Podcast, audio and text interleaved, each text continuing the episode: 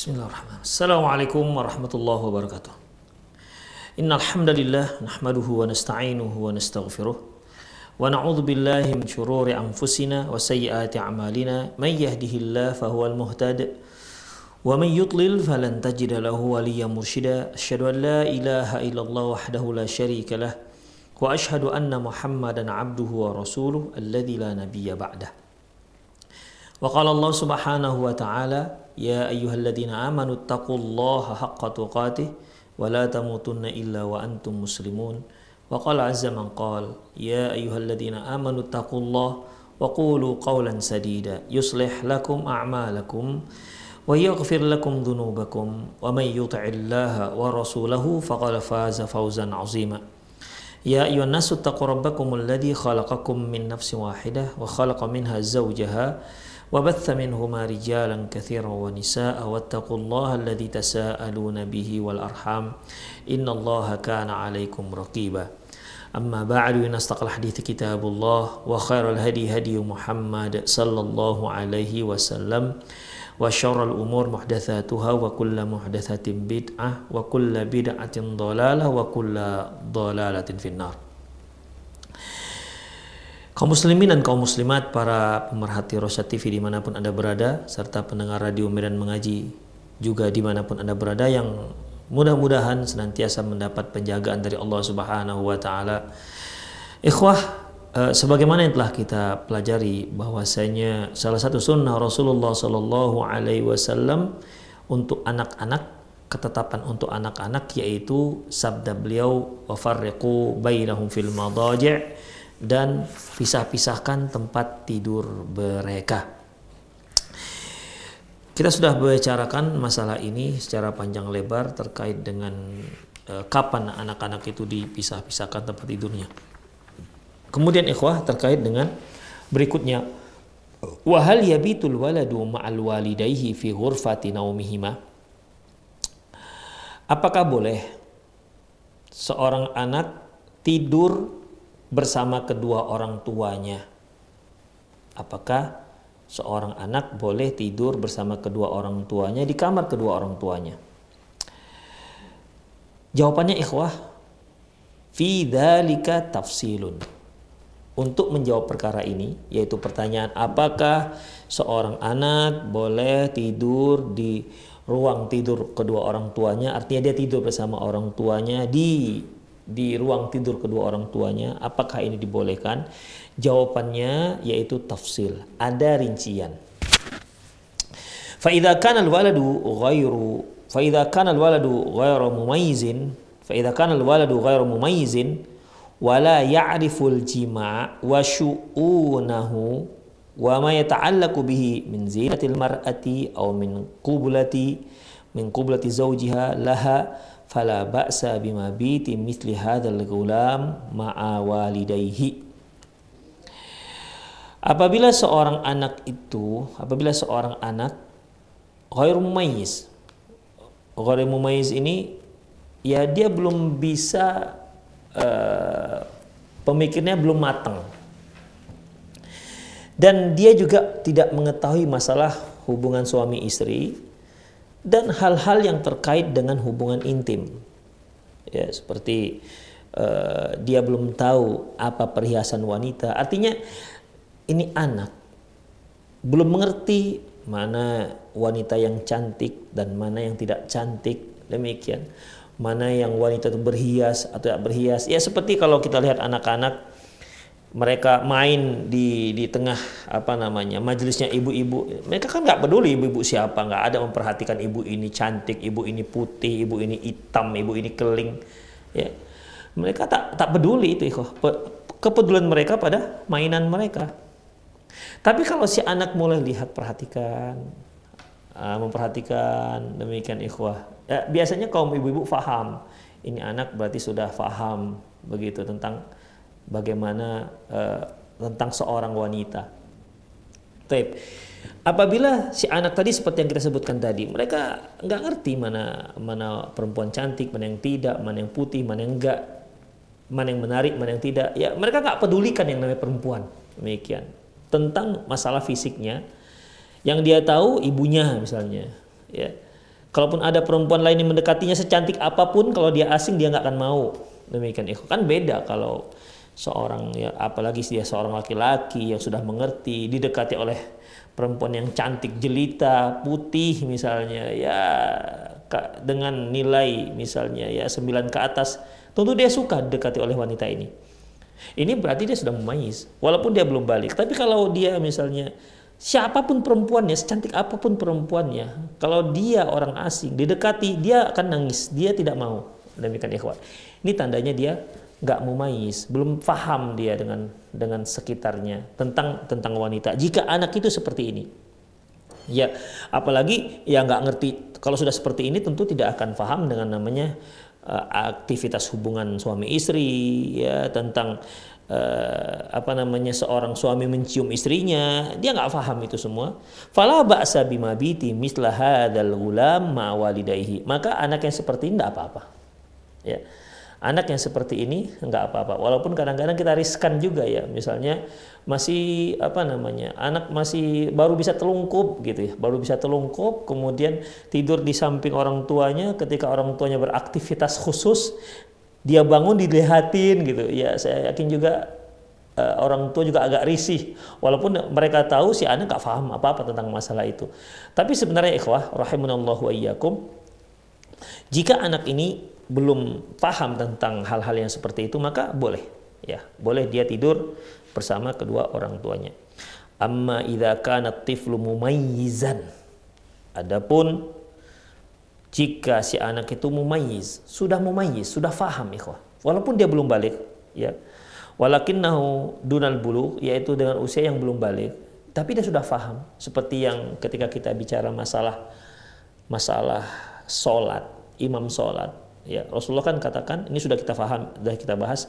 Rasulullah menyatakan bahwasanya ya umukum ya akrokum bi kitabillah. Yang mengimami kalian orang yang paling orang yang paling faham tentang kitabullah ya kan sehingga para sahabat mengedepankan meminta uh, uh, seorang sahabat yang dia itu masih kecil belum belum balik tapi dia sudah bisa jadi imam dia faham bagaimana itu sholat dia faham apa yang membatalkan sholat. Dia faham apa yang harus dia baca dalam sholatnya.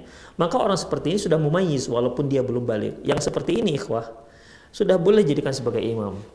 Karena dia sudah paham dan dia ber, dan dia berhak berada di saf pertama jika memang dia lebih dahulu menempati tempat tersebut kecuali yang di belakang imam. Demikian ikhwah. Dan jika memang dia orang yang paling banyak hafalannya, maka dia berhak untuk mendapatkan uh, posisi sebagai sebagai imam seperti yang telah kita bahas. Demikian juga kalau orang yang seperti ini, ya walaupun dia mungkin belum belum masih tiga tahun lagi baliknya atau masih masih misalnya masih empat tahun lagi balik tapi dia sudah faham dengan yang seperti ini ya maka nggak boleh. Ya maka tidak boleh. Wa al abu qada hajatahu. Afan kalau memang anaknya seperti ini dia sudah mumayyiz walaupun belum balik. Wa al abu qada hajatahu min zaujita min zaujatihi dan si ayah sudah menyelesaikan hajatnya dari dari istrinya. Artinya mereka sudah selesai hubungan badan ya. Walaysa fi naumihima takshifu wa uh, takshifu takashafu uh, tukshafu wa ta, wa ta'ra wa ta'ar wa ta'ra fala ba'sa hina idin min naumihi ma'ahuma dan sementara ketika mereka tidur tidak ada yang aurat yang terbuka maksudnya aurat terbuka ini yang biasa dilihat oleh mahram ya tidak ada aurat yang terbuka, maka nggak mengapa. Tidak mengapa anak ini tidur bersama kedua orang tuanya. Ma'a ihtiyatihima wa tahaffudhuhuma hatta la yara manzaran yuthiruhu wa yuhayyiju al-kamina fihi. Maka uh, disertai dengan apa namanya uh, apa ya ihtiyat ke, kehati-hatian dan uh, kehati-hatian orang tua tersebut. Kemudian mereka juga menjaga menjaga jangan sampai terbuka auratnya, ya aurat besarnya misalnya. Maka uh, dan agar si anak nggak melihat hal-hal yang bisa membangkitkan syahwatnya, maka hal itu dibolehkan. Ya, jadi kalau si anak itu belum faham, belum memayis, ya belum memayis, belum paham tentang hal-hal yang kaitannya dengan hubungan suami istri dan hal-hal yang terkait dengan itu semua, maka nggak masalah. Ya, dia tidur bersama kedua orang tuanya. Namun apabila dia sudah mulai mumayyiz, sudah mulai faham tentang hal itu, tentang hubungan suami istri dan hal-hal yang terkait dengan hubungan suami istri, maka jika si ayah dan si ibu sudah menyelesaikan urusan hubungan mereka, tinggal mereka tidur dan mereka menjaga aurat mereka. Jangan sampai aurat-aurat yang enggak layak dilihat oleh si anak lihat misalnya ya seperti tersingkapnya misalnya apa ya tersingkapnya misalnya uh, kemaluan misalnya tersingkapnya misalnya uh, apa namanya buah dada misalnya kalau si ayah tersingkap istunnya misalnya atau uh, pinggulnya dan lain-lainnya ya terjaga dari itu semua ya terjaga dari itu semua. Dan mereka memang berusaha untuk menjaga maka tidak mengapa si anak ini tidur bersama kedua orang tuanya. Walaupun dia sudah mumayyiz dan belum walaupun belum walaupun belum balik. Apa dasarnya? Yaitu bata Abdullah bin Abbasin inda khalatihi Maimunata ma'a Rasulillah sallallahu alaihi wasallam. Dasarnya itu Abdullah bin Abbas pernah bermalam di rumah tantenya yaitu Maimunah. Bermalamnya beliau tidur bersama Rasulullah SAW. Yaitu hadis akhraj al-Bukhari wa Muslim. Hadis yang diriwayatkan oleh Bukhari Muslim. Min hadis bin Abbas radhiyallahu anhu dari hadis Abdullah bin Abbas radhiyallahu anhu annahu bata inda Maimunata ummul mu'minin dia mengatakan bahwasanya dia bermalam nginap di rumah tantenya yaitu Maimunah istri Rasulullah SAW wahia khalatu dia adalah tantenya. Qala kata Ibnu Abbas fattaja'tu fil ardil wisadah wattaja'a Rasulullah SAW wa ahluhu fi tuliha. Maka aku pun tidur di bahagian lebarnya uh, bantal sementara Rasulullah dan istrinya tidur di bagian panjangnya bantal. Jadi kalau uh, inilah kita katakan bantal ya, ini kita katakan bantal. Ini bagian panjangnya, ini bagian lebarnya. Abdullah bin Abbas kepalanya di sini, sementara Rasulullah dan istri beliau Maimunah kepalanya di sini, di bagian panjangnya. Nah, demikian. Jadi Ibnu Abbas kepalanya di di samping bantal. Jadi di sini Ibnu Abbas sendiri ataupun yang langsung menceritakan kisah ini. Ini menunjukkan bahwasanya Ibnu Abbas itu sudah memayis. Buktinya dia sampai bisa mampu meriwayatkan kisah ini kepada kepada orang-orang setelah beliau, kepada para tabi'in. Tandanya beliau sudah hafal, tandanya beliau sudah mumayis. Kalau anak-anak yang belum memayis, artinya belum sempurna akalnya, itu kan nggak boleh di di, di apa namanya di diambil riwayat mereka. Karena mereka belum sempurna akalnya. Demikian. Dan juga belum tentu sahih dan belum bisa, tentu bisa mereka menceritakan apa yang terjadi. Ya seperti kita misalnya.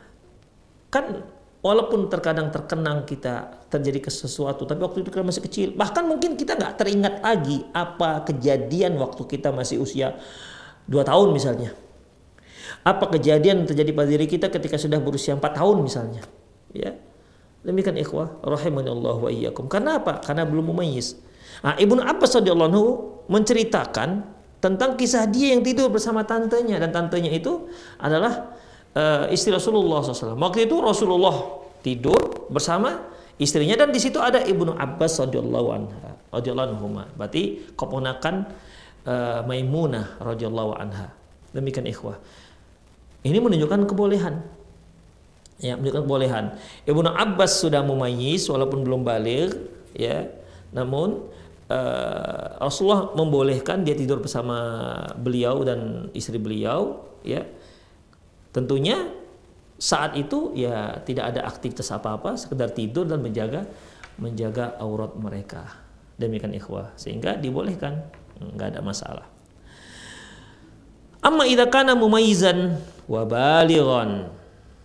Adapun jika si anak mumayyiz atau baligh wa hunaka uh, takshifu wa ta'ara fala yabitu hina idin fi wasati fi wasati tudhiru fil aurat adapun kalau si anak tersebut sudah memayis atau sudah balik tetapi ketika tidur itu ada tersingkap aurat ada di situ terbuka terbukanya aurat besar seperti adanya apa tanpa busana misalnya ya terbukanya aurat maka nggak boleh mereka maka nggak boleh si anak ini tidur bermalam ya bermalam bersama kedua orang tuanya ya karena di sana akan terlihatnya aurat besar ikhwah.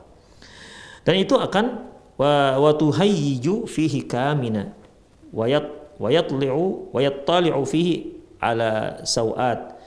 Karena hal itu akan membangkitkan gelora syahwat si anak karena dia sudah memayis apalagi sudah balik dan akan terlihatnya uh, sauat yaitu aurat besarnya. Demikian ikhwah rahimahullah. Jadi intinya kalau kita bahas dari masalah ini yaitu apabila si anak belum mumayyiz ya apabila si anak belum mumayyiz nggak ngerti yang namanya hubungan suami istri itu apa nggak paham kalau ada seorang laki-laki yang mencium suami uh, istrinya itu apa ya nggak paham intinya dia nggak paham dengan yang namanya wanita. Yang dia tahu hanya ibunya, ayahnya, siapa pun seganteng kalau dia perempuan seganteng apa pun orangnya, kalau dia laki-laki secantik apa pun orangnya, dia nggak nggak nggak paham dengan itu semua. Demikian ikhwah. Kalau seperti ini modelnya, maka boleh dia tidur dengan kedua orang tuanya dan kedua orang tuanya juga boleh melakukan hubungan intim ya walaupun di sampingnya ada anaknya. Ya. Namun untuk tindakan hati-hati pakai selimut lah begitu ya. Namun kalau si anak sudah mumayyiz atau dia sudah baik belum balik maupun yang sudah balik ya baik baik yang belum balik maupun yang sudah balik. Saya ulangi, adapun anak yang sudah memai, sudah faham dia tentang ini semua, baik yang belum balik maupun yang sudah balik, ya, maka jika kedua orang tuanya tidak melakukan itu di hadapan anak tersebut yang ikut tidur bersamanya, dan tidak ada di sana apa namanya terbukanya aurat, terutama aurat besar, ya, jadi terjaga aurat mereka aurat besar mereka terjaga, terjaga maka tidak apa-apa mereka tidur dengan kedua orang tuanya. Dengan ikhwah rahimanallah wa iyyakum. Jadi ya terkadang kan kalau kita lihat dikarenakan kekurangan tempat ya e, sementara rumah kecil maka jejer-jejer lah di situ ibunya, ayahnya seterusnya ikhwah. Maka nggak apa-apa kalau memang terjaga. Ya. Jadi kalau seandainya ada si ayah ada keperluan dari si ibu ada keperluan dengan istrinya ya ya carilah tempat yang aman jangan di situ. Nah, demikian ikhwah rahimahnya Allah. Jadi itu itu rinciannya ya. Itu sebuah rincian. Sekali lagi ikhwah saya ulangi kalau dia belum memayis belum paham dengan yang namanya hubungan suami istri itu apa belum paham dengan hal-hal yang terkait dengan ini semua maka boleh. Tapi kalau dia sudah memayis baik dia sudah balik mau baik dia belum balik maupun sudah balik, maka jika terjaga aurat si ibu dan ayah, boleh. Misalnya anaknya yang sudah balik misalnya, bahkan sudah punya istri misalnya. Ya, dari jauh kemudian dia tidur dengan ayah dan bundanya misalnya, ya nggak ada masalah. Ya, nggak ada masalah. Selama di sana di sana tidak ada terbuka aurat apa pun. Maksudnya aurat besar. Demikian ikhwah rahimanallahu Kenapa kita katakan mumayyiz walau baik belum balik maupun sudah balik. Karena kalau ada anak yang sudah balik tapi belum memayis karena ada ini ya dikarenakan EQ-nya rendah ya dan dia nggak paham dengan gini-gini dengan aktivitas suami istri ya kalau memang dia sudah balik tapi dia belum paham mana tahu jika memang ada yang seperti itu maka ya dia dikategorikan dihukumkan seperti anak kecil. Demikian ikhwah. Tapi tentunya dipastikan dulu betul nggak dia belum paham? Demikian Sebab kalau kita salah dalam menilai, dia akan merekam itu semua dan itu tidak baik untuk kejiwaan si anak. Baik. Kita lanjutkan. Al-hathul awladi ala ikhtiyar al-asdiqai salihin wa tahdhiruhum min asdiqai su. Berikutnya yaitu, yaitu kita apa namanya kita dorong anak kita ya kita mendorong anak-anak untuk memilih teman-teman yang soleh dan mengingatkan anak kita jangan berteman dengan teman-teman yang tidak baik. Ikhwah ini termasuk perkara yang mempengaruhi pendidikan anak.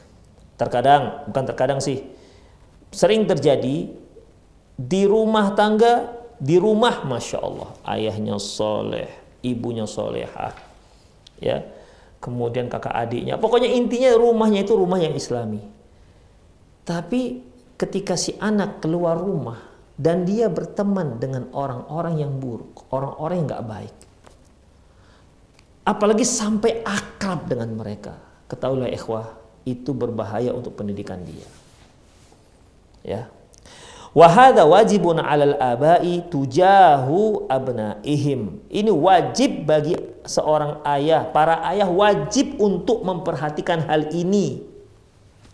Ya, terhadap anak-anaknya. Artinya perhatikan bukan hanya perhatikan si anak tapi juga perhatikan siapa teman-teman si anak. Wajibun alaihim ayyahuthuhu ayyahuthuhum ala ikhtiyaris siddiqi wa ikhtiyaril jalisi wa ikhtiyaril anis. Wajib bagi mereka wajib bagi para orang tua untuk mendorong si anak agar pilih-pilih teman pilih-pilih majelis dan pilih kawan-kawan akrab artinya dipilih yang baik. Ketika dia mau berteman pilih teman-teman yang baik yang soleh. Ketika dia bermajelis, bermajelislah dengan orang-orang yang yang baik. Demikian ikhwah. Ya jadi tidak boleh uh, apa namanya kita biarkan saja mereka memilih. Kita enggak jangan kita biarkan dia memilih dengan sembarang kawan ikhwah. Karena itu akan berpengaruh terhadap pendidikan dia ter, berpengaruh terhadap akhlaknya fabayyanu lahum al-manafi'a fid dunya wal akhirah. Mi wara'i majalisatil salihin wa sadaqatihim. Dan jelaskan kepada anak-anak ya. Eh, maksudnya ini orang tua jelaskan kepada anak-anak apa faedah faedah yang dia dapati di dunia di akhirat jika dia berteman dengan orang-orang soleh ya. Dan bermajelis kepada dengan orang-orang soleh wa mukhataru majalisi syaririn wa astiqais dan juga jelaskan bahaya bermajlis dengan orang-orang yang tidak baik dan teman-teman yang tidak baik. Demikian ikhwah. Ya, jadi seorang ayah harus pandailah menjelaskan ini semua. Karena bagaimanapun apalagi kalau anak yang cerdas, dia akan tanya, ya kenapa? Kenapa saya nggak boleh berteman dengan dia? Ya, ada anak itu tak begitu kritis, ya dilarang ya sudah, dilarang nggak usah begitu. Ada anak itu kritis, Ketika kita katakan, nak, kamu berteman dengan dia saja. Loh, kenapa ya kok bertahan dengan dia? Kenapa dia rupanya? Mengapa dia? Begitu. Ada yang seperti itu. Betul. Dia cerdas dan akhirnya orang cerdas itu kritis dengan perintah-perintah kita. Dia ingin tahu apa hikmahnya, apa manfaatnya. Makanya kita harus jelaskan. Ya. Kita harus jelaskan. Kalau bisa kita menjelaskan dengan rinci. Misalnya nih, kita katakan, nak kamu jangan main dengan si fulan. Ya. Ketika si anak mengatakan kenapa ya? Dia nggak baik misalnya. Kalau si anak nanya lagi, apa yang nggak baiknya? Harus dijelaskan. Ya.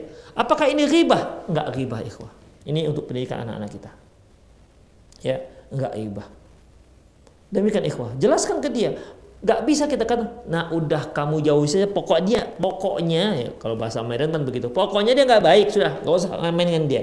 Tidak bisa seperti itu ikhwah. Ajari anak-anak itu cerdas. Dia begini, begini, begini.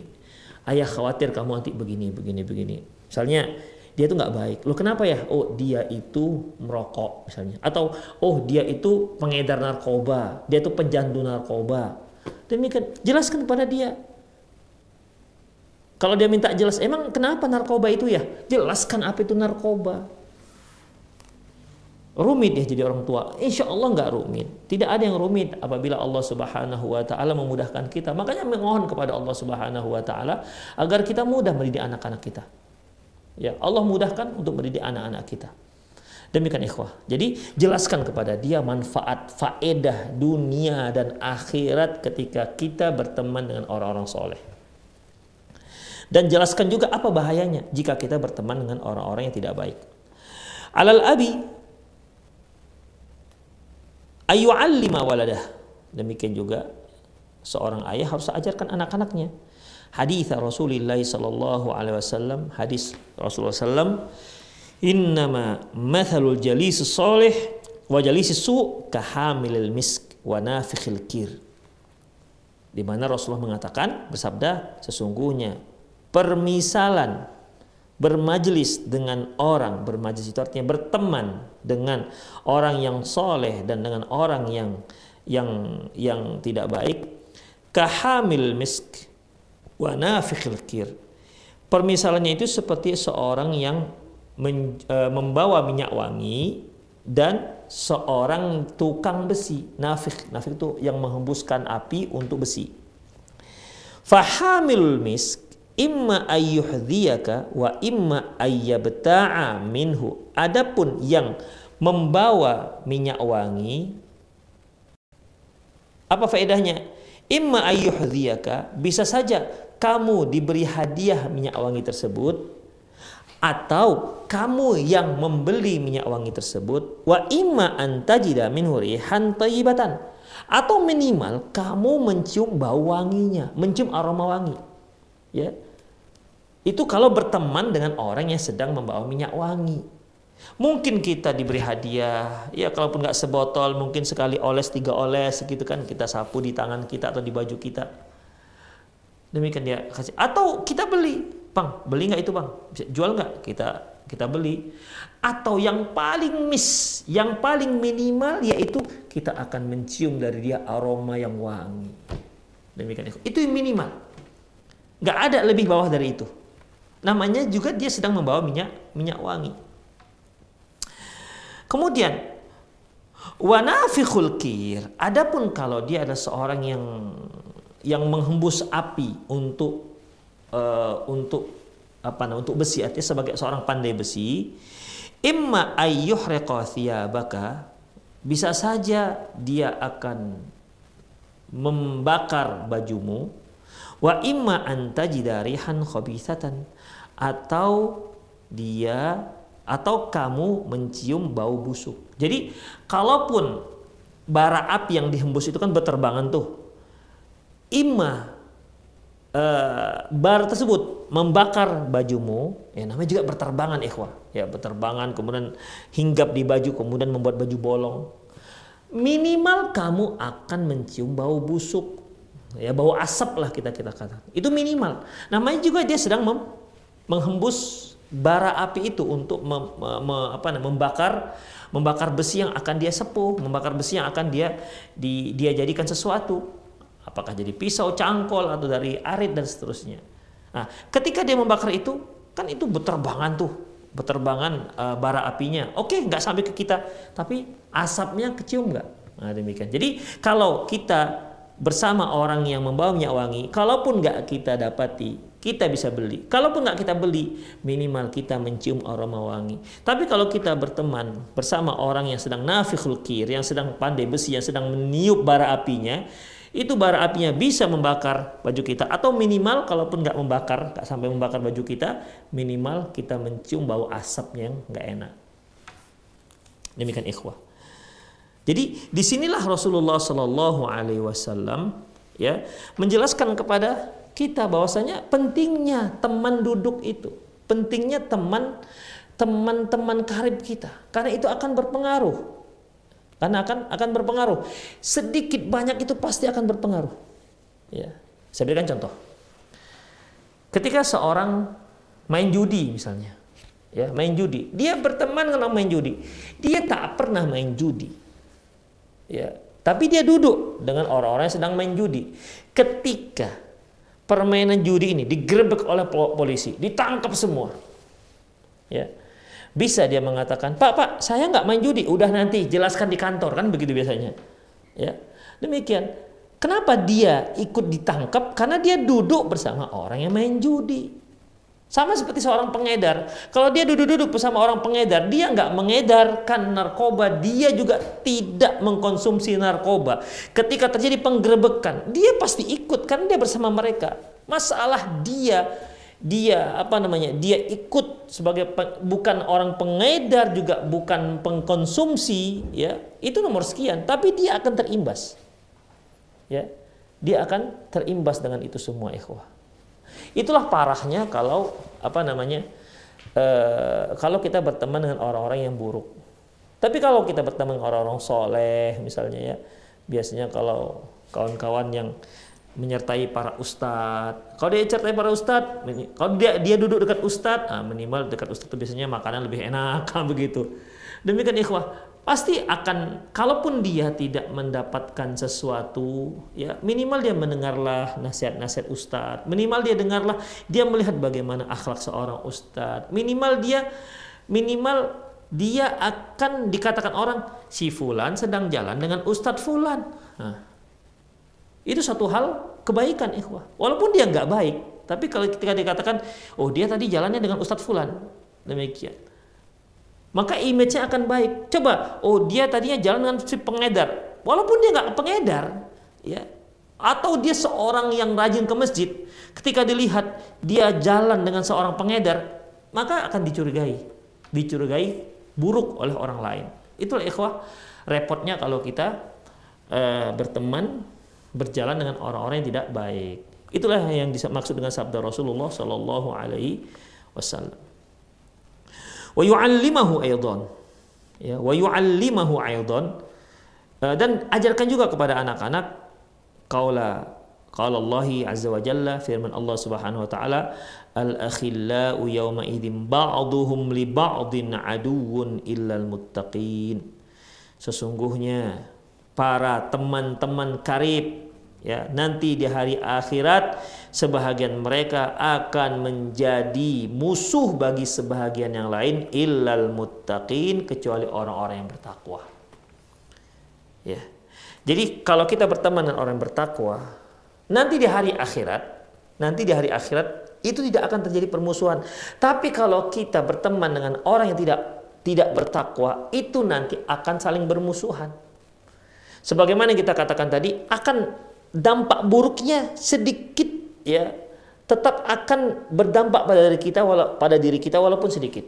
Ah, yang sedikit ini nanti di hari akhir kan akan ada perhitungannya di hadapan Allah Subhanahu wa taala. Kenapa kamu seperti ini? Ya Allah, dia yang ngajari saya. Ah, begitu. Ya. Ya Allah, ini gara-gara saya jalan dengan dia. Demikian. Dia pun mengatakan, "Loh, kenapa? Siapa suruh kamu jalan-jalan dengan saya?" Demikian ikhwah. Ya kamu membujuk-bujuk saya jalan dengan kamu. Ya salah sendiri kenapa mau dibujuk. Begitu ikhwah. Seperti kisah yang Allah sebutkan tentang setan dengan orang-orang kafir nanti di hari kiamat. Orang durjana, orang-orang penghuni neraka. Ya. Wa qala syaitanu lamma qudiyal amru innallaha wa'adakum ba'dal haqqi wa wa'adtukum fa akhlaftukum. Berkata syaitan, ketika urusan sudah selesai, semua urusan sudah selesai kan, yang penduduk surga, surga, neraka, neraka, Setan berkata, Innallaha wa'adakum wa'adal haq. Allah itu telah menjanjikan kepada kalian dengan janjian yang baik. Wa wa'adtukum fa akhlaftukum. Dan aku memberikan kalian janji dan aku pungkiri janji janjiku tersebut. Kemudian kemudian fala tam, fala talumuni walumu anfusakum. Oleh karena wa ma kana li 'alaikum min sultanin illa an da'utukum fastajabtum li. Dan mengapa kalian mengikuti janjiku padahal aku jelas mengingkari janjiku? Dan wa ma kana li 'alaikum min sultan. Aku tuh tak pernah paksa kalian. Tak pernah. Makanya kan nggak pernah setan maksa-maksa kita. Apa pernah ketika kita mau pergi ke masjid, tiba-tiba setan menjelma menghalangi kita sambil pegang golok. Kalau kau lewat, ku bacok. Pernah? Kan tak pernah. Benar, nggak pernah ikhwah. Setan tuh nggak pernah bersikap apa ya, bersikap anarkis gitu, nggak pernah. Demikian. Illa anda autukum fastajabatum li.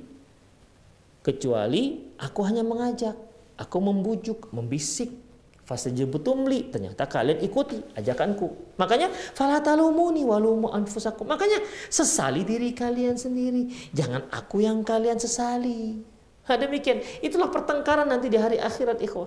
Gara-gara apa? Berteman dengan dengan orang yang tidak baik, apalagi berteman dengan syaitan, habislah ya. Akhirnya kan orang-orang yang mengikuti syaitan nggak punya omongan apa-apa lagi, nggak bisa menjawab. Ya, nggak bisa menjawab pernyataan dari syaitan. Aku nggak pernah maksa, kenapa kalian ikut? Demikian ikhwah. Rahimani Allah wa iyyakum. Jadi dalam masalah ini ya selain orang-orang yang bertakwa nanti di akhirat mereka akan saling bermusuhan. Saling tuduh menuduh. Ya Allah karena mereka, ya Allah karena mereka.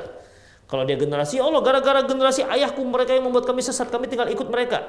Mereka juga akan mereka juga akan akan apa uh, berlepas tangan loh. Siapa suruh kalian mengikuti kami?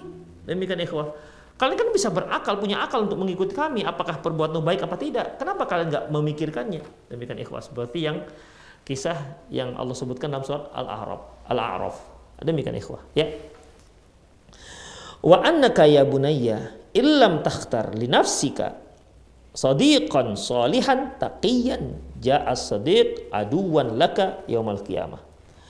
Sesungguhnya engkau wahai Ananda, ya sesungguhnya engkau wahai Ananda jika tidak memilih teman yang soleh untuk dirimu, jika engkau tidak memilih teman yang bertakwa untuk dirimu, maka temanmu itu nanti akan datang hari kiamat menghadap menghadapmu sebagai musuh.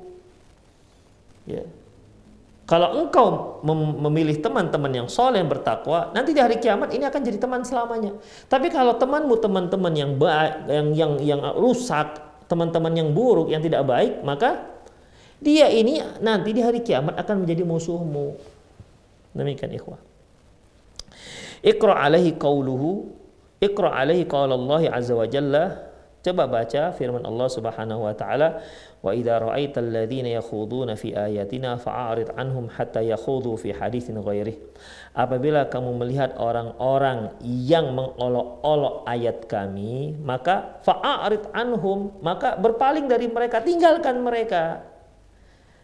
Hatta yakhudu fi haditsin ghairih sampai mereka berbicara pada masalah yang lain. Jadi ikhwah kalau kita duduk di warung misalnya, ya di warung, kita lihat ada orang-orang yang menjadikan syariat Islam itu sebagai candaan, sebagai bahan tertawaan misalnya. Kita tahu itu salah, maka kita nasihati. Kita nasihati dia. Cegah mereka. Ya. Kalau mereka nggak mau ya berharap harap apa namanya? E, bicara yang lain. Jangan mengolok-olok sunnah Rasulullah, misalnya mengolok-olok jenggot, meng cerita di warung mengolok-olok masalah cingkrang misalnya masalah cadar masalah syariat Allah Subhanahu wa taala. Ya. Masalah sholat misalnya kan ada yang mengolok-olok gerakan-gerakan sholat. Kalau itu yang mereka bicarakan kamu larang kalau enggak silahkan kamu angkat kaki dari sana kalau enggak kalau kamu tetap duduk di situ berarti kamu dianggap ridho dengan perbuatan itu silahkan angkat kaki dari situ maka fa'arid anhum, silahkan kamu angkat kaki. Silahkan kamu tinggalkan mereka. Hatta yakhudu fi hadis ghairi hingga mereka bicara tentang yang lain. Demikian ikhwah, yang bukan mengolok-olok agama Allah Subhanahu wa taala. Wa imma kalau ternyata kamu dilupakan oleh syaitan. Lupa kalau Allah Subhanahu wa taala melarang kamu duduk di tempat orang yang sedang mengolok-olok agama Allah, lupa kamu ya. Dilupakan oleh syaitan, fala taq'ud ba'da dzikra ma'al qaumidz zalimin dan apabila kamu ingat, maka langsung jangan kamu duduk setelah kamu ingat.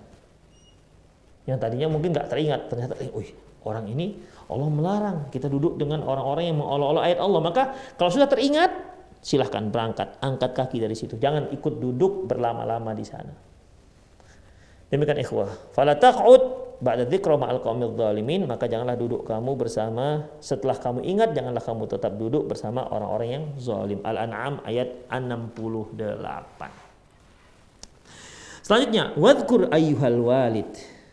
Wahai ayah ingatlah. Qaula nuhi sallallahu alaihi wasallam libni wahai ayah ingatlah ucapan Nabi Nuh kepada anaknya itu surat Hud ayat 42. Ya bunayyar kam ma'ana wala takum ma'al kafirin. Wahai Ananda, ikutlah. Ya, wahai Ananda, ikutlah ber ikut irkam ma'ana. Ikutlah ber, ikutlah bersama bersama kami. Maksudnya ikut naik kapal.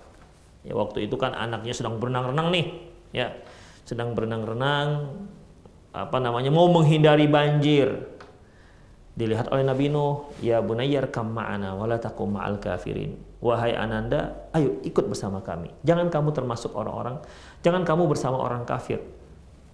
Ini ada majelis, ini ini kapal ini semua tempatnya adalah tempat orang-orang soleh. Mari ikut bersama ayah. Jangan kamu bersama mereka-mereka yang ikut berenang sana berenang sini, kemudian lari sana lari sini untuk menyelamatkan diri dari banjir. Jangan ikut mereka, udah ikut sini.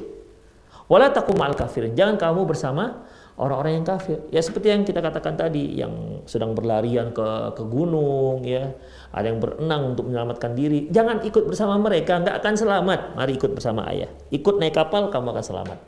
Karena di kapal ini adalah orang-orang soleh semua. Demikian ikhwah, Allah wa iyyakum. Ya. Jadi uh, kalau dia ikut tapi kan akhirnya uh, kata si anak qala sa'awi ila jabali aku akan aku akan lari ke puncak gunung yang akan menyelamatkan aku dari air. Demikian. Karena ya orang-orang kafir itu yang nggak mau ikut bersama Nabi Nuh, mereka begitu usaha mereka. Mereka semua lari ke gunung untuk menyelamatkan diri dari banjir. Demikian ikhwah rahimanallahu. Jadi nah anak Nabi Nuh memilih bersama mereka, bukan bersama ayahnya itu, bersama orang-orang yang soleh. Akhirnya kita tahu gimana kejadiannya. Akhirnya dia pun di ditenggelamkan oleh Allah Subhanahu wa taala fahala bainahumal mauju fakana min mughraqin dan akhirnya mereka pun dipisahkan oleh uh, gelombang dan si anak termasuk orang-orang yang ditenggelamkan. Fa'alaika ayyuhal walid wahai ayah ayatafaqqada ahwala waladak hendaklah kamu perhatikan keadaan anakmu watas alu an asdiqaihi dan tanya tentang teman-temannya. Jadi ikhwah, anak-anak kita misalnya pulang, gimana nak? Punya punya teman belum? Misalnya karena baru masuk sekolah kan, biasanya kan begitu. Sudah ya, gimana kawan-kawannya? Baik gak? Begitu kan. Tanya teman-temannya bagaimana ikhwah. Ya. Jadi bukan hanya tentang si anak yang kita tanya, siapa temannya juga kita kita tanya. Karena bagaimanapun ikhwah, terkadang ada anak itu yang pintar merahasiakan aktivitas dia di luar. Ya. Saya pernah ketika bertamu dengan ke rumah seseorang, ibunya mengeluhkan anaknya, bagaimana dia suka membangkang, bagaimana dia suka apa namanya melawan ibunya dan dia apa ya dia eh, dia perginya itu maghrib pulang pagi jadi malam di luar rumah. Saya tanya ngapain dia bu? Dia uh, apa ya DJ. Nah, dia suka main DJ. Begitu tahu lah ya apa itu DJ kan. Dan tahu lah gimana suasana DJ itu gimana. Ya, tapi masya Allah ketika saya di rumah dia, dia datang masuk rumah, masya Allah, sawan, masya Allah salam, salam dengan ibunya, assalamualaikum umi, cium ibunya, tangan ibunya, salam juga dengan saya. Sopannya luar biasa, ikhwah. Demikian. Tapi di luar gak seperti itu. Demikian. Kan banyak anak-anak itu yang di rumah, masya Allah dia sopan dengan ayahnya, sopan dengan ibu. Di luar, ikhwah, ternyata kawan-kawannya bersama orang-orang yang gak baik. Demikian, ikhwah. Makanya ketika ternyata dia diciduk, dikatakan anaknya ternyata terlibat narkoba, kan banyak juga orang tua yang gak nggak apa namanya nggak terima. Oh, enggak anak saya baik sepengetahuan saya dia baik saya yang melahirkan dia dia baik. Dia nggak tahu di luar dia bagaimana. Ya nggak tahu dia di luar bagaimana. Makanya ikhwah kita yang punya anak tanya kawan-kawannya siapa. Ya tanya kawan-kawannya siapa. Makanya Rasulullah pernah mengatakan almaru ma'adini khalilihi. Seorang itu agamanya sama seperti agama teman dekatnya teman dekat ya jadi kalau kita lihat anak kita bagus, baik, rajin sholat. Ternyata dia pernah ber, dia uh, punya teman dekat seorang yang funky misalnya. Ah, ketahuilah anak kita itu lebih kurang seperti kawannya. Kok bisa dia dekat dengan orang seperti itu? Kalau dia betul-betul soleh, nggak akan bisa dia dekat dengan orang seperti itu. Demikian ikhwah, rahimani Allah wa iyyakum. Ya. Jadi kita harus perhatikan siapa teman-teman anak kita. Fakam min waladin syaririn yad'u ilal munkar wal fasad yuzayyinu li asdaqaihi syurur wal atham. Berapa banyak anak-anak anak-anak itu menjadi anak-anak yang buruk itu malah mengajak teman-temannya untuk berbuat mungkar dan membuat kerusakan. dan meng, dan membujuk-bujuk teman-temannya ya untuk berbuat jahat dan berbuat dosa. Demikian ikhwah. Ya. Eh, kan sering itu ikhwah uh, apa namanya anak ini baik berteman dengan orang kurang baik kemudian ya diajak dibujuk untuk berbuat hal-hal yang uh, tidak baik anaknya masya Allah bagus begitu kan rajin kemudian taat peraturan sekolah eh berteman dengan orang yang suka bolos ya bagaimanapun akan dibujuk. Eh, kamu nggak tahu gimana caranya bolos, kamu nggak tahu gimana rasanya bolos. Demikian dibujuk dan diiming-iming. Nanti kita makan ini, makan itu dan seterusnya, ikhwah. Akhirnya ikut si anak yang tadi rajin, taat, kemudian taat peraturan dan sekolah. Eh, karena berteman dengan orang yang nggak baik, akhirnya ikut bolos, ikut nggak baik. Terpengaruh dengan temannya dan itu banyak, ikhwah. Sama seperti yang dari masalah merokok, apalagi narkoba, itu kan ada pengajak pengajaknya. Ya awalnya orang gratis lah, ah, dikasih, diberilah gratis. Nanti setelah dia candu, naudzubillah min dalik, dia nggak bisa terlepas dari narkoba tersebut. Demikian ikhwah. Wasaghiru yuqallidu fi katsir min ahyan. Dan anak-anak itu umumnya mengikut suka meniru-niru Watajuru syahwat fi ahyan ukhra dan terkadang dia terprosok pada syahwatnya. Wa kadzalika hubbul mughamarat wa wa ya'tarihi wa yujdzibuhu. Demikian juga anak-anak itu suka tantangan. Demikian. Oh. Dia orang anak-anak ini kan rasa ingin tahunya tuh apa namanya? Rasa ingin tahunya rasa ingin tahunya itu besar dan suka tantangan ini kan ikhwah rahimunallah. Coba perhatikan anak-anak, kadang-kadang dia udah jelas pintu gerbang terbuka, tapi dia manjat pagar, manjat pagar, dia suka tantangan. Suka manjat pohon, demikian. Padahal kalau mau ngambil buah bisa dijolok pakai gala, tapi dia senang manjat. Demikian. Dia tahu, dia tahu. Mungkin dia pernah lihat kita bagaimana cara mendapatkan Eh, mangganya dengan cara menjolok pakai galah. Tapi dia ingin manjat, dia ingin mendapatkan langsung dengan tangannya. Bagi dia itu sebuah kepuasan tersendiri. Demikian ikhwah rahimahnya Allah wa Itulah anak-anak, rasa ingin tahunya, rasa ingin menghadapi tantangan itu sangat besar bagi anak-anak. Demikian. Ya mencoba, ya akhirnya karena diajak oleh kawan-kawannya, alah ayo cobalah. Hanya awalnya hanya mencoba, lama kelamaan menjadi kecanduan. Demikian ikhwah rahimani Allah wa ya. Baik, selanjutnya wahris ala ayyakuna asdiqa'u waladik min at-tayyibin as-salihin. Hendaklah kamu benar-benar memperhatikan, berupaya agar teman-teman anakmu itu adalah orang-orang yang soleh dan orang-orang yang baik-baik. Minal asri minal minal minal usri at-tayyibati kadalik dan dari keluarga yang baik-baik juga. Wahris aidon, demikian juga wahris aidon, demikian juga al ikrami asdiqai waladik.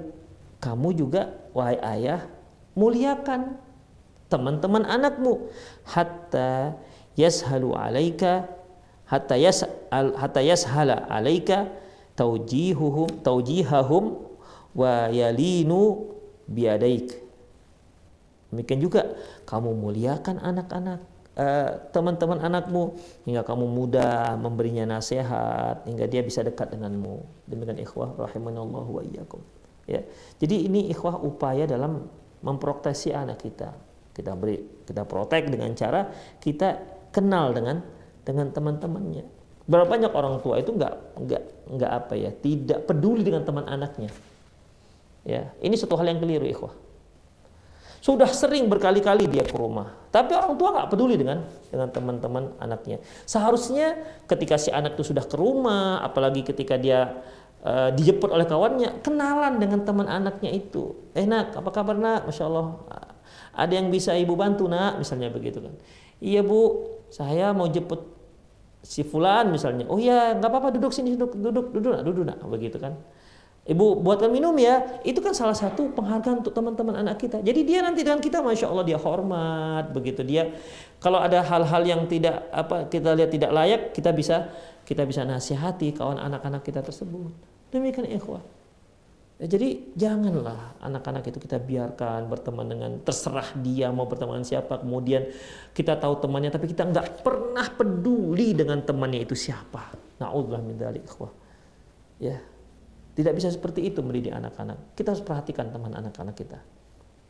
Apalagi kalau dia bawa ke rumah, sering kita lihat dia bawa ke rumah, ya teman-temannya untuk belajar, tapi kita nggak pernah peduli dengan kawan-kawannya itu. Ini satu hal yang keliru, ikhwah. Kita sebagai orang rumah, ya kita kita yang datang, apa kabar anak-anak? Masya Allah, siapa? Tanya namanya, di mana tinggalnya. Demikian. Kalau bisa uh, diberi dia mereka makan sehingga anak-anak itu sayang dengan dengan orang tua temannya ini. Kenapa? Masya Allah kalau ke rumah dia, ibunya ramah, ibunya ngasih makanan kan mereka bisa apa namanya? Bisa bisa dekat dengan kita sebagai orang tua. Itu ikhwah ya. Jadi ini yang harus kita perhatikan.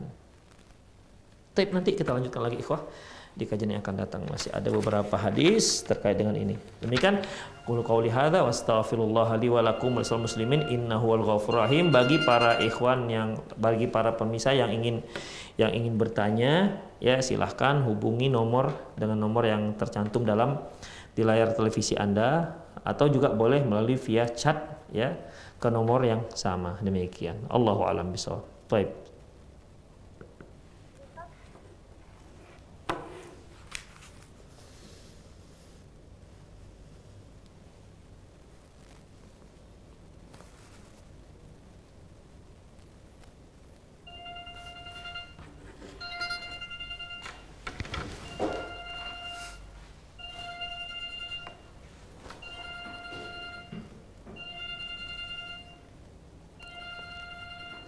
Tapi para pemirsa yang yang ingin bertanya silahkan eh, hubungi nomor yang tertera di layar televisi Anda ya atau juga boleh eh, boleh Anda kirimkan pertanyaan melalui via chat ya melalui via chat dan kirimkan ke nomor yang sama atau langsung juga ke nomor saya ini di 0812638734. Nah,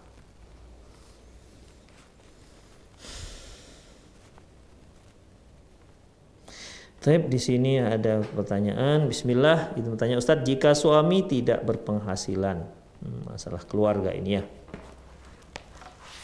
Baik. Jika suami tidak berpenghasilan, jadi sebulan full istri dari gajinya membiayai kehidupan mereka dan keluarga suami. Apa istri masih perlu bersedekah keluar lagi Ustadz? Atau setiap hari dia sudah termasuk bersedekah karena menafkahi suami dan keluarga jazakumullah khairan. Ikhwah rahimani Allah wa iyyakum. Seyogianya yang menafkahi keluarga itu suami. Itu kewajiban. Ya, itu merupakan kewajiban. Ar-rijalu qawwamuna 'alan nisa bima faddalallahu ba'dahum ala ba'din wa bima anfaqu min amwalihim. Lelaki itu pemimpin bagi kaum wanita dikarenakan Allah telah mengutamakan sebagian mereka dibandingkan sebagian yang lain. Wa bima anfaqu min amwalihim dan dikarenakan apa yang mereka nafkahkan dari dari harta mereka. Jadi laki-laki suami itu berkewajiban untuk menafkahi istrinya.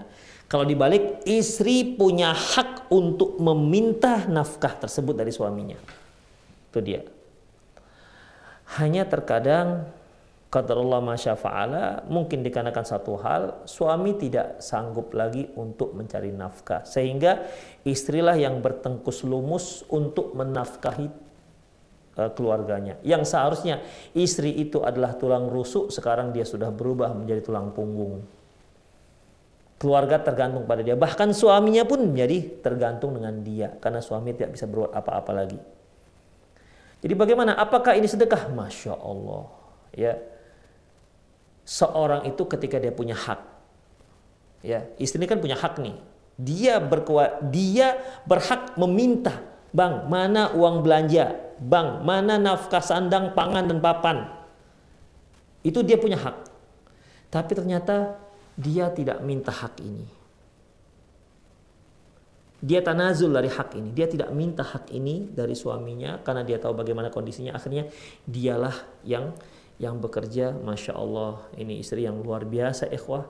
Semoga Allah Subhanahu wa taala memberinya pahala yang luar biasa. Dan ini sedekah jelas. Ya. Walaupun untuk anaknya, karena istri nggak nggak berkewajiban menafkahi anak, nggak, ikhwah. Ya.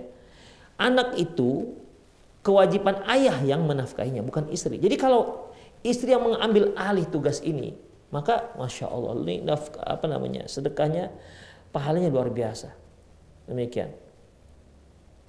Apakah seorang istri perlu lagi bersedekah keluar? Ya kalau seandainya setelah dia membantu suaminya untuk menafkahi keluarganya sendiri, ada sisanya, ya perlu juga. Ya perlu juga. Demikian ya sebagaimana kalau seorang suami setelah dia memberi nafkah kepada istrinya, ini kan merupakan nafkah yang paling besar pahalanya. Ya kan? Yang kata Rasulullah dinar anfaqta fi sabilillah, dinar wa dinar anfaqtaha fi uh, fil itq satu dinar yang engkau infakkan untuk uh, untuk jihad fisabilillah satu dinar yang engkau gunakan untuk membebaskan seorang hamba wa dinar anfaqtaha li ahlihi li ahlik dan satu dinar yang kau berikan kepada keluargamu a'zamu ajron yaitu yang di ini yang lebih besar pahalanya demikian ya Taib ini sudah terpenuhi ada sasi ada sisa sisanya ini gimana silahkan infakkan ke masjid, ke fakir miskin yang lain, ke keluarga, ke kerabat-kerabat dekat kita yang memang membutuhkan. Demikian. Demikian juga para istri. Istri yang yang dia menjadi tulang punggung keluarga, jika memang dia sudah apa namanya memberikan memenuhi kebutuhan rumah tangga yang sebenarnya bukan kewajiban dia, ya, maka itu merupakan pahala yang besar. Kalau masih di besisa, apakah apakah masih perlu lagi mensedekahkan pada orang lain? Maka tetap ya tetap bersedekah kepada orang lain ya jika memang ada sisanya ya karena bagaimanapun eh, rahmat Allah Subhanahu wa taala itu sangat luas kita tidak tahu kebaikan kebaikan yang mana yang dapat memasukkan kita ke dalam surga semoga salah satu dari dari perbuatan kita, amalan soleh kita itu membuat Allah Subhanahu wa taala kasihan dengan kita dan memasukkan kita ke dalam surga. Allah alam bisawab. Manakah batas aurat bagi laki-laki maupun perempuan di hadapan mahramnya? Para ulama menyebutkan Allahu alam bisawab ya untuk depan mahramnya antara pusat dan lutut. Ya. Untuk perempuan antara pusat dan lutut. Untuk laki-laki uh, aurat besarnya. Demikian. Allahu alam bisawab.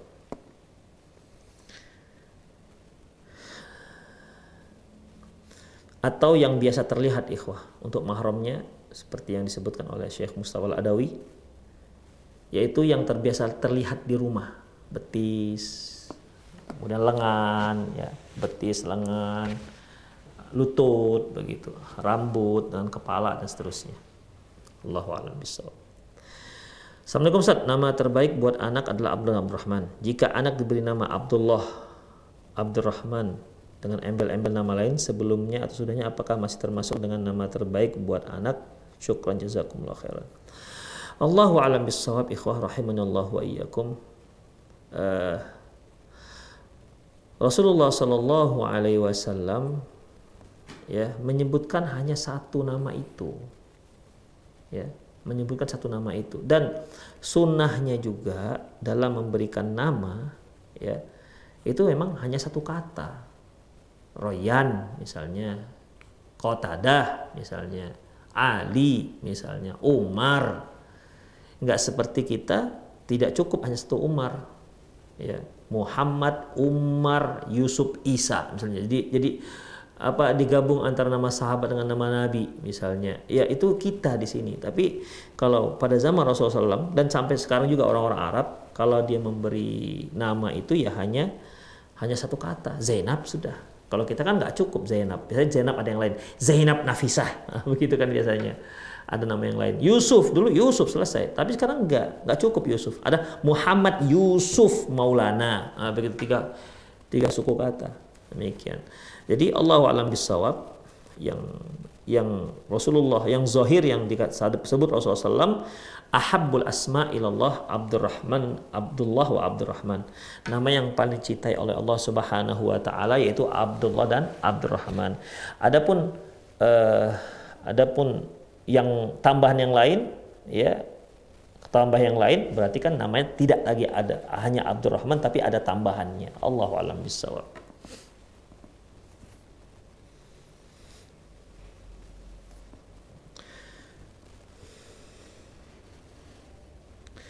Tapi ikhwah itu saja kajian kita pada siang hari ini. Semoga apa yang kita bahas bermanfaat. Taib aku lu qouli hadza wa astaghfirullah li wa lakum wa muslimin innahu wal ghafur rahim. Subhanakallahumma bihamdik asyhadu an la ilaha illa anta astaghfiruka wa atubu ilaik. Wassallallahu ala nabiyyina Muhammad wa ala alihi wa ashabihi ajma'in. Wa akhu da'wana alhamdulillah rabbil alamin. Assalamualaikum warahmatullahi wabarakatuh.